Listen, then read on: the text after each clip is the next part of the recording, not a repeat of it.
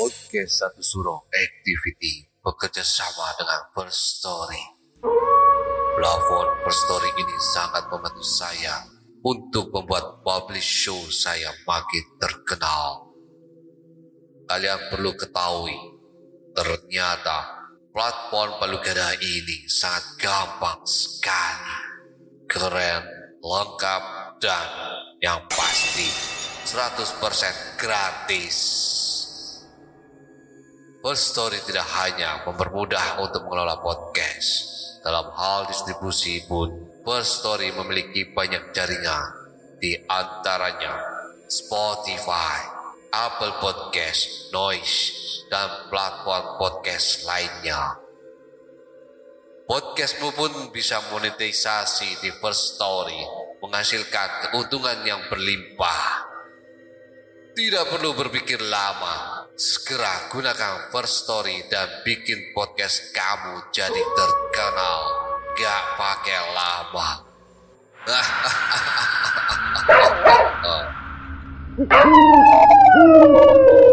Sugeng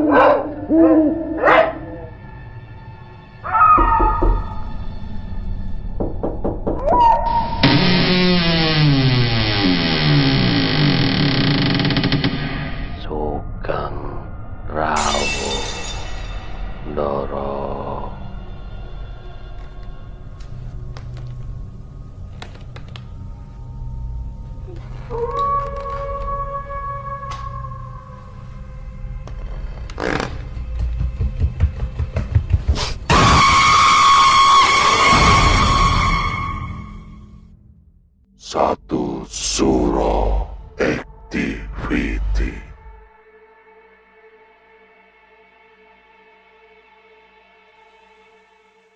Assalamualaikum warahmatullahi wabarakatuh. Selamat malam. Rahayu, rahayu, rahayu. Para pendengar satu suro activity. Saya Panembahan Dokter Mistik. Ritual-ritual mistis untuk mendatangkan suatu kekayaan dunia, baik di suatu pedalaman daerah maupun kota-kota besar masih banyak dilakukan. Baik secara sembunyi-sembunyi maupun terang-terangan. Sehingga memakan suatu tumbal untuk menyempurnakan ritual tersebut. Seperti halnya kisah mistis malam hari ini dari Maria Gregoria. Selamat mendengarkan. Halo semua, kali ini saya mau membagikan pengalaman saya saat saya pulang ke kampung di tahun 2020. Pada akhir bulan September 2020, saya sekeluarga pulang ke kampung halaman. Karena nenek dan kakek saya dari pihak ayah meminta kami untuk pulang Tadinya yang pulang hanya orang tua saya saja. Saya dan adik cowok saya menyusul saat Desember supaya bisa merayakan Natal bersama. Namun, saat kakek dan nenek saya telepon, mereka ingin kami pulang sekeluarga bersama. Karena saat itu, kakek sudah berbicara yang aneh-aneh. Kakek mengatakan bahwa Sebentar lagi dia akan pergi. Dan sebelum dia pergi, dia ingin melihat kami. Dan ingin diurus oleh kami. Akhirnya, berangkatlah kami di tanggal 30 September 2020.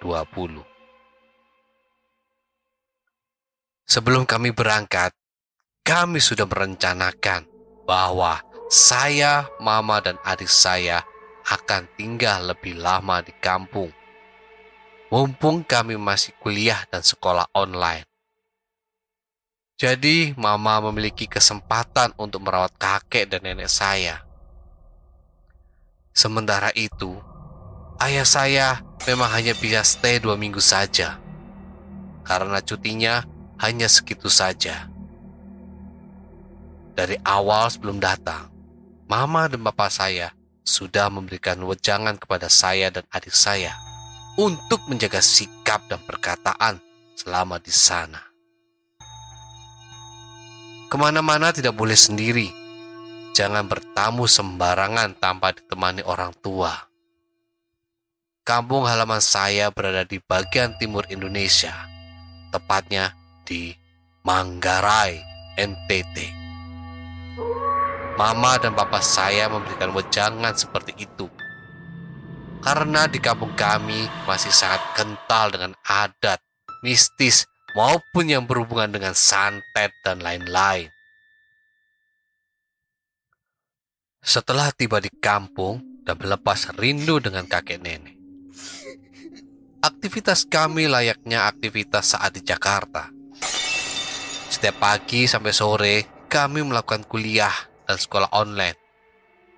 Yang membuat aktivitas ini sedikit berbeda karena kami harus ke rumah paman dan bibi kami yang berada sedikit dekat gunung demi mencari sinyal yang bagus. Karena di rumah kakek nenek saya benar-benar tidak ada sinyal sedikit pun. Hanya dua batang saja yang paling banyak. Tidak terasa, hari pun sudah menjelang akhir pekan. Kami sekeluarga memiliki rencana untuk berkunjung ke desa kakek kami dari pihak mama. Rencananya kami akan menginap selama akhir pekan. Di desa kakek saya ini belum masuk listrik dan juga air. Mereka mengisi air dengan cara pergi ke sungai yang jaraknya sekitar 7-9 km. Setiap malam hari pun rumah-rumah yang mengandalkan genset dari satu rumah untuk penerangan yang sangat minim di dalam rumah. Jadi, di luar rumah benar-benar gelap gulita. Kita harus membawa senter ke mana-mana. Selama di kampung kakek dari pihak mama ini, tidak ada hal-hal yang aneh. Semuanya lancar dan kita memiliki waktu yang cukup menyenangkan. Lalu, tepat di hari Minggu sore, kami kembali ke desa papa saya Selama perjalanan kami kadang melewati hutan belantara yang di pinggirnya terdapat jurang. Kadang juga hanya melewati hutan kosong tanpa jurang. Kadang juga melewati desa yang terdapat pemukiman warga. Namun, tidak ada hal yang menakutkan. Karena meskipun gelap dan tidak ada listrik, cahaya bulan dan bintang di sana sangatlah indah dan cukup terang. Perjalanan kami memakan waktu selama kurang lebih satu jam. Setelah sampai di rumah, saya bergegas bersih-bersih. Karena kebetulan saat itu saya sedang datang bulan hari kedua. Setelah bersih-bersih dan hendak membuang pembalut ke belakang rumah, saya melihat ada sosok laki-laki remaja yang berdiri di bawah pohon nangka menghadap ke arah bawah sawah. Dengan tangan yang diletakkan di dalam saku celana. Saat melihat sosok itu, saya langsung tahu itu siapa. Saya sangat hafal tubuh itu, meskipun hanya dari belakang. Sosok itu merupakan kakak sepupu saya yang meninggal secara tragis saat sedang mengerjakan proyek bangunan di Makassar setelah melihat sosok itu, saya mengatakan permisi dan segera masuk ke dalam. Di dalam sedang ada tamu, jadi cukup ramai saat itu. Tamunya sendiri merupakan kakak dan orang tua dari sosok yang saya lihat sebelumnya. Serta ada sepupu saya dari pihak mama saya yang sedang berkunjung. Sepupu ini sebut saja Patrick karena ini akan banyak kejadian yang terjadi saat saya bersama sepupu saya ini. Saat melihat mereka, saya hanya tersenyum dan tidak menceritakan hal yang saya lihat barusan. Setelah Patrick pulang, barulah saya menceritakan hal tersebut. Kira-kira begini percakapan saya dengan kakak sepupu saya. Saya, Kak, tadi pas aku keluar untuk buang sampah, aku lihat kakak almarhum sedang berdiri ngebelakangin aku di bawah pohon nangka itu. Kakak menjawab, yang bener dek, dia pakai baju apa? Lalu saya menjawab, pakai baju putih, tapi ada sedikit garis-garis hitam di bajunya. Lalu celana pendek hitam, dan ada jam tangan hitam di tangan kirinya. Kakak saya menjawab, Wah, itu pakaian yang dia senang selama dia hidup dan merantau ke Makassar. Saat bapak dan mama tua, saya panggil paman dan bibi saya seperti itu. Karena paman saya ini kakak kandung ayah saya. Saya mendengar yang saya ceritakan, mereka menangis Lalu mama tua saya sambil menangis berkata, Kalian sih sudah sampai di sini, bukannya berkunjung ke makamnya dia dulu. Dia tahu kalian sudah di sini, tapi kalian belum datang ke rumahnya dulu. Jadinya dia duluan kan yang sampah kalian. Memang seharusnya saat kami tiba, kami langsung doa ke makamnya, terutama saya, mama dan adik saya karena beberapa bulan setelah kakak saya meninggal, ayah saya pulang ke kampung untuk mengikuti acara pesta adat meninggalnya kakak saya ini. Alhasil, besoknya kami segera berkunjung ke makam abang saya ini. Singkat cerita, waktu pun berlalu. Tidak terasa ternyata sudah hampir dua minggu kami di kampung. Dan sebentar lagi ayah saya harus kembali duluan ke Jakarta. Hari itu hari Minggu, tepatnya tanggal 10 Oktober 2020. Saya, mama, dan papa saya baru saja pulang gereja. Adik saya tidak ikut karena masih tidur. Hari itu rencananya kami akan berkunjung ke rumah om saya yang merupakan abang sepupu mama saya dan merupakan ayahnya si Patrick. Namun saya dan adik saya yang berangkat duluan ke sana. Karena mama harus menemani papa saya untuk swab antigen di kota Ruteng. Sebelum saya dan adik saya berangkat, tiba-tiba ada seorang nenek bertamu ke rumah kami. Nenek ini merupakan sosok yang paling ditakuti di kampung karena terkenal dengan ilmu hitamnya yang konon memakan cukup banyak korban. Bahkan anak dan cucunya sendiri pun sudah jadi korban. Oh iya, mama saya mengatakan, dulu saat saya bayi, saya juga sempat mau dijadikan tumbal oleh dia. Saat saya dan adik saya sedang bersiap-siap, nenek tersebut tidak bisa menghentikan pandangannya dari adik saya. Pandangan seperti sedang mengincar adik saya. Tiba-tiba dia bertanya, nanti siapa yang bawa motor? Terus adik saya menjawab, saya yang bawa oma.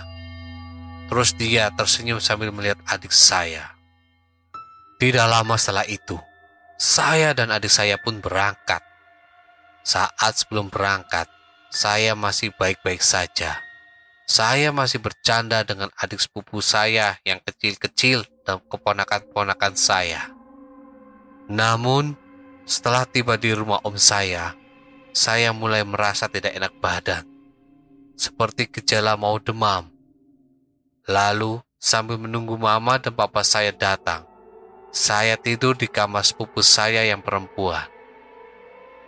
Sepupu saya yang perempuan seusia saya saat itu tidak ada di rumah, karena dia justru sedang menetap di rumah saya yang di Jakarta, karena kuliah di Bandung. Saya tidur saat itu cukup lama karena bangun menjelang jam 6 sore. Saat terbangun, badan saya lumayan enakan. Lalu saya ke bawah karena sudah dipanggil untuk makan malam. Saat itu ramai sekali, diisi dengan canda dan tawa. Setelah makan, papa dan mama saya berpamitan untuk pulang.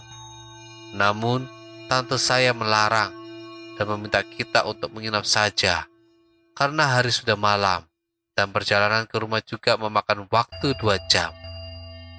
Namun kami bersikeras untuk pulang saja karena kakak-kakak dan adik-adik papa saya sudah menanti di rumah. Karena malam itu merupakan hari terakhir ayah saya di kampung. Singkat cerita, akhirnya kami pulang.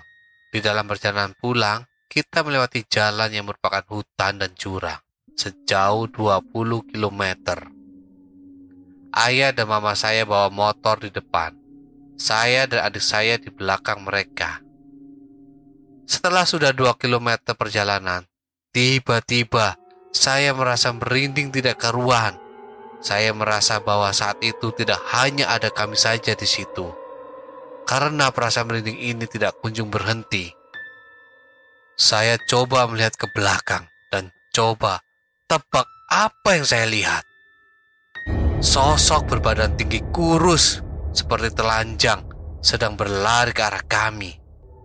Saya langsung buru-buru hadap depan lagi dan buru-buru mengalihkan pemandangan ke atas langit sambil terus melafalkan doa Bapak kami dan salam Maria. Setelah itu, tiba-tiba adik saya nyeletuk. Kak, di belakang ada orang ya? Dek. Saya yang mendengar pertanyaan adik saya langsung lemas sejadi-jadinya. Apakah adik saya melihat sosok itu juga dari kaca spion? Saya pun menjawab, Apa sih lo? Kalau ngomong jangan aneh-aneh. Ini kita lagi di tengah hutan. Udah, fokus bawa motor aja. Masalahnya ini jalanannya banyak yang jelek, udah gitu ketutup genangan air. Lalu adik saya pun menjawab, Ya sorry, gue kan cuma nanya aja. Lalu setelah itu hening, dan saya lanjut melafalkan doa. Saat melewati jalan yang digenangi air, dan ternyata jalan tersebut berlobang yang cukup dalam. Tiba-tiba terdengar suara meletus Terus saya panik dan benar saja ban kami bocor.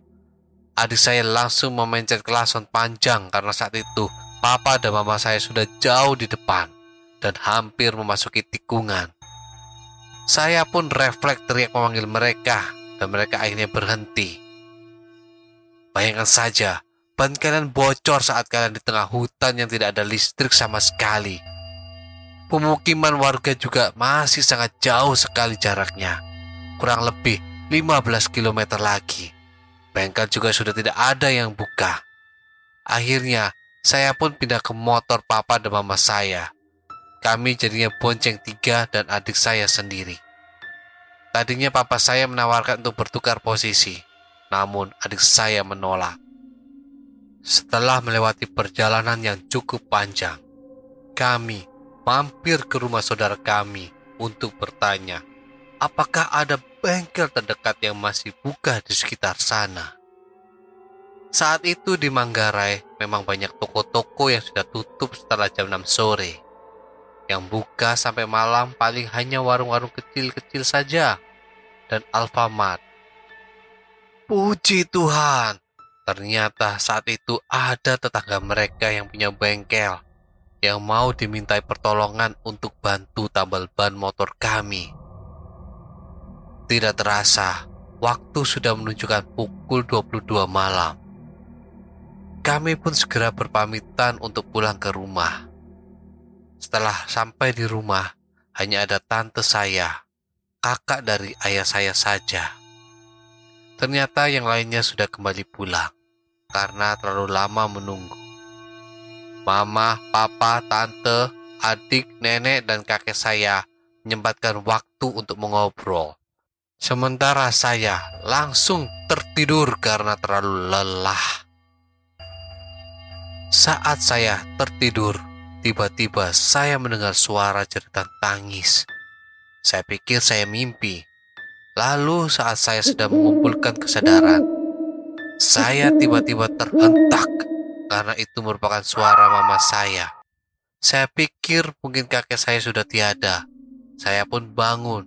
Namun saat menengok ke arah tempat tidur nenek dan kakek saya, mereka masih tertidur pulas. dan tidak ada mama saya. Saya bingung, apa saya salah dengar? Apa itu dari rumah sebelah? Tapi kenapa suaranya jelas sekali dan seperti suara mama saya? Dan saya dengar lagi suara cerita tangis tersebut. Dan saya tahu itu memang mama saya. Saya panik. Apa jangan-jangan justru ayah atau adik saya yang kenapa-kenapa?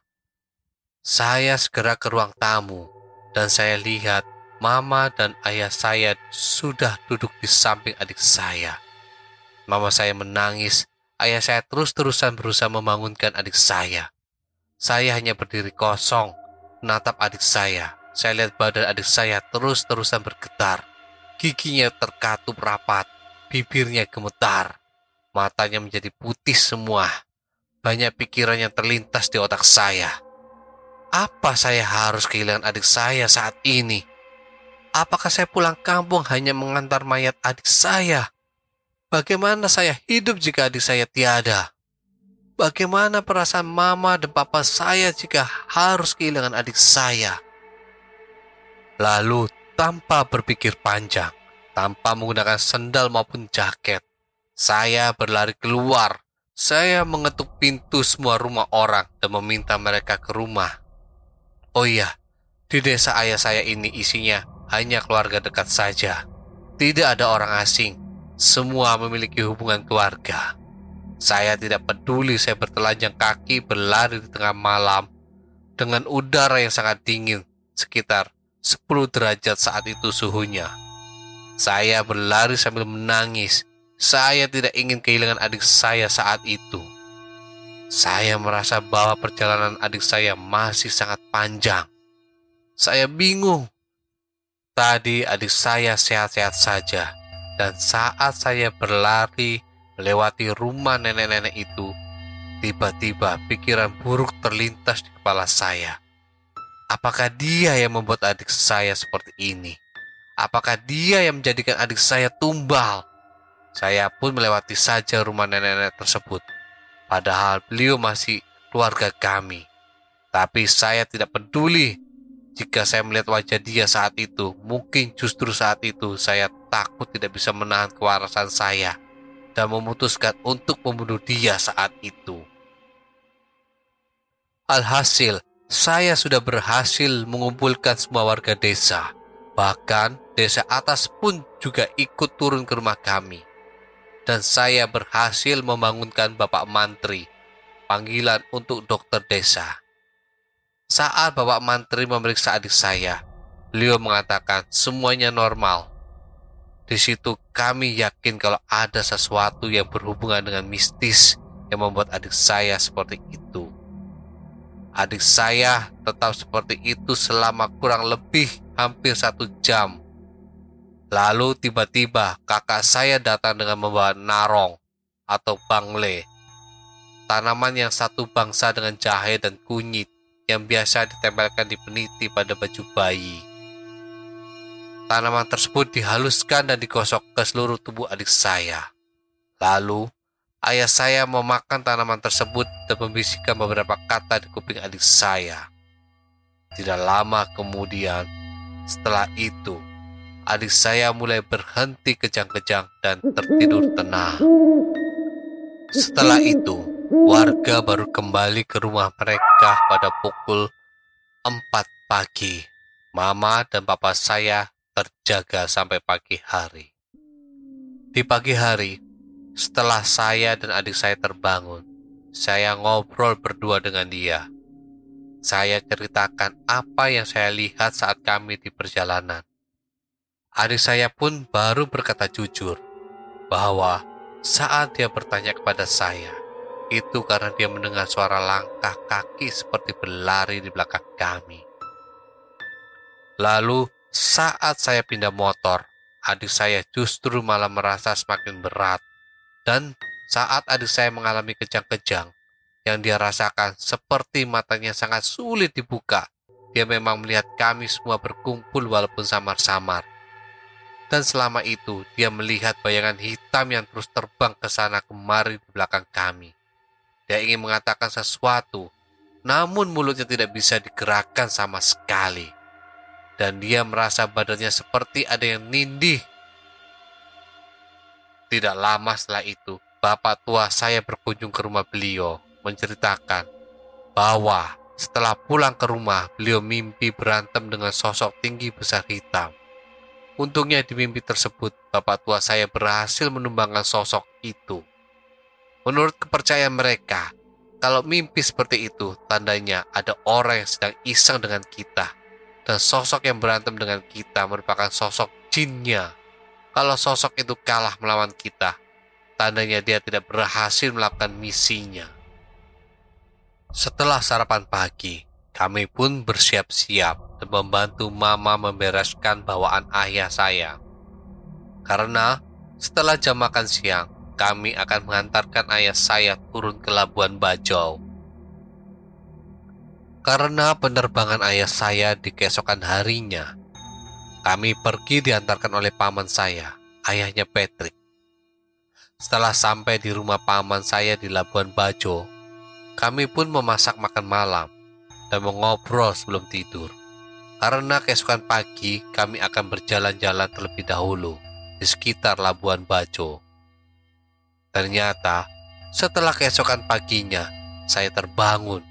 Mama saya bercerita kalau adik saya sempat lemas lagi.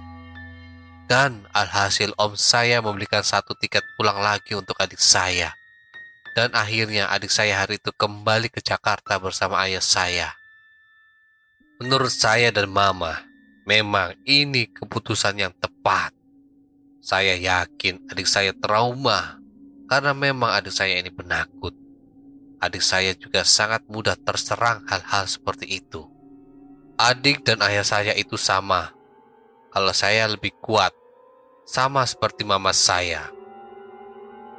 Maka dari itu, sayalah yang stay lama di kampung menemani mama saya. Namun, justru banyak sekali kejadian yang di luar nalar yang terjadi selama saya di sana. Sepertinya tidak bisa saya ceritakan di sini karena sudah terlalu panjang juga ceritanya. Mungkin saya akan membuat part 2-nya untuk cerita lainnya dari pengalaman saya selama di kampung halaman. Para sahabat satu suro activity. Itulah tadi kisah mistis dari Maria Gregoria di kampung halamannya yang di mana sang adik hampir meninggal menjadi tumbal para pelaku ilmu hitam. Para sahabat satu suro activity, berhati-hati jika berada di lokasi yang masih sangat kental dengan sesuatu yang mistis. Dan tetaplah meminta perlindungan keselamatan kepada Tuhan. Para sahabat satu suro activity, tinggalkan catatan doa kalian di kolom komentar. Like, subscribe, dan bunyikan lonceng keramatnya para sahabat satu suruh activity. Tetaplah iling lan waspodo. Assalamualaikum warahmatullahi wabarakatuh. Salam, salam, salam. Rahayu, rahayu, rahayu.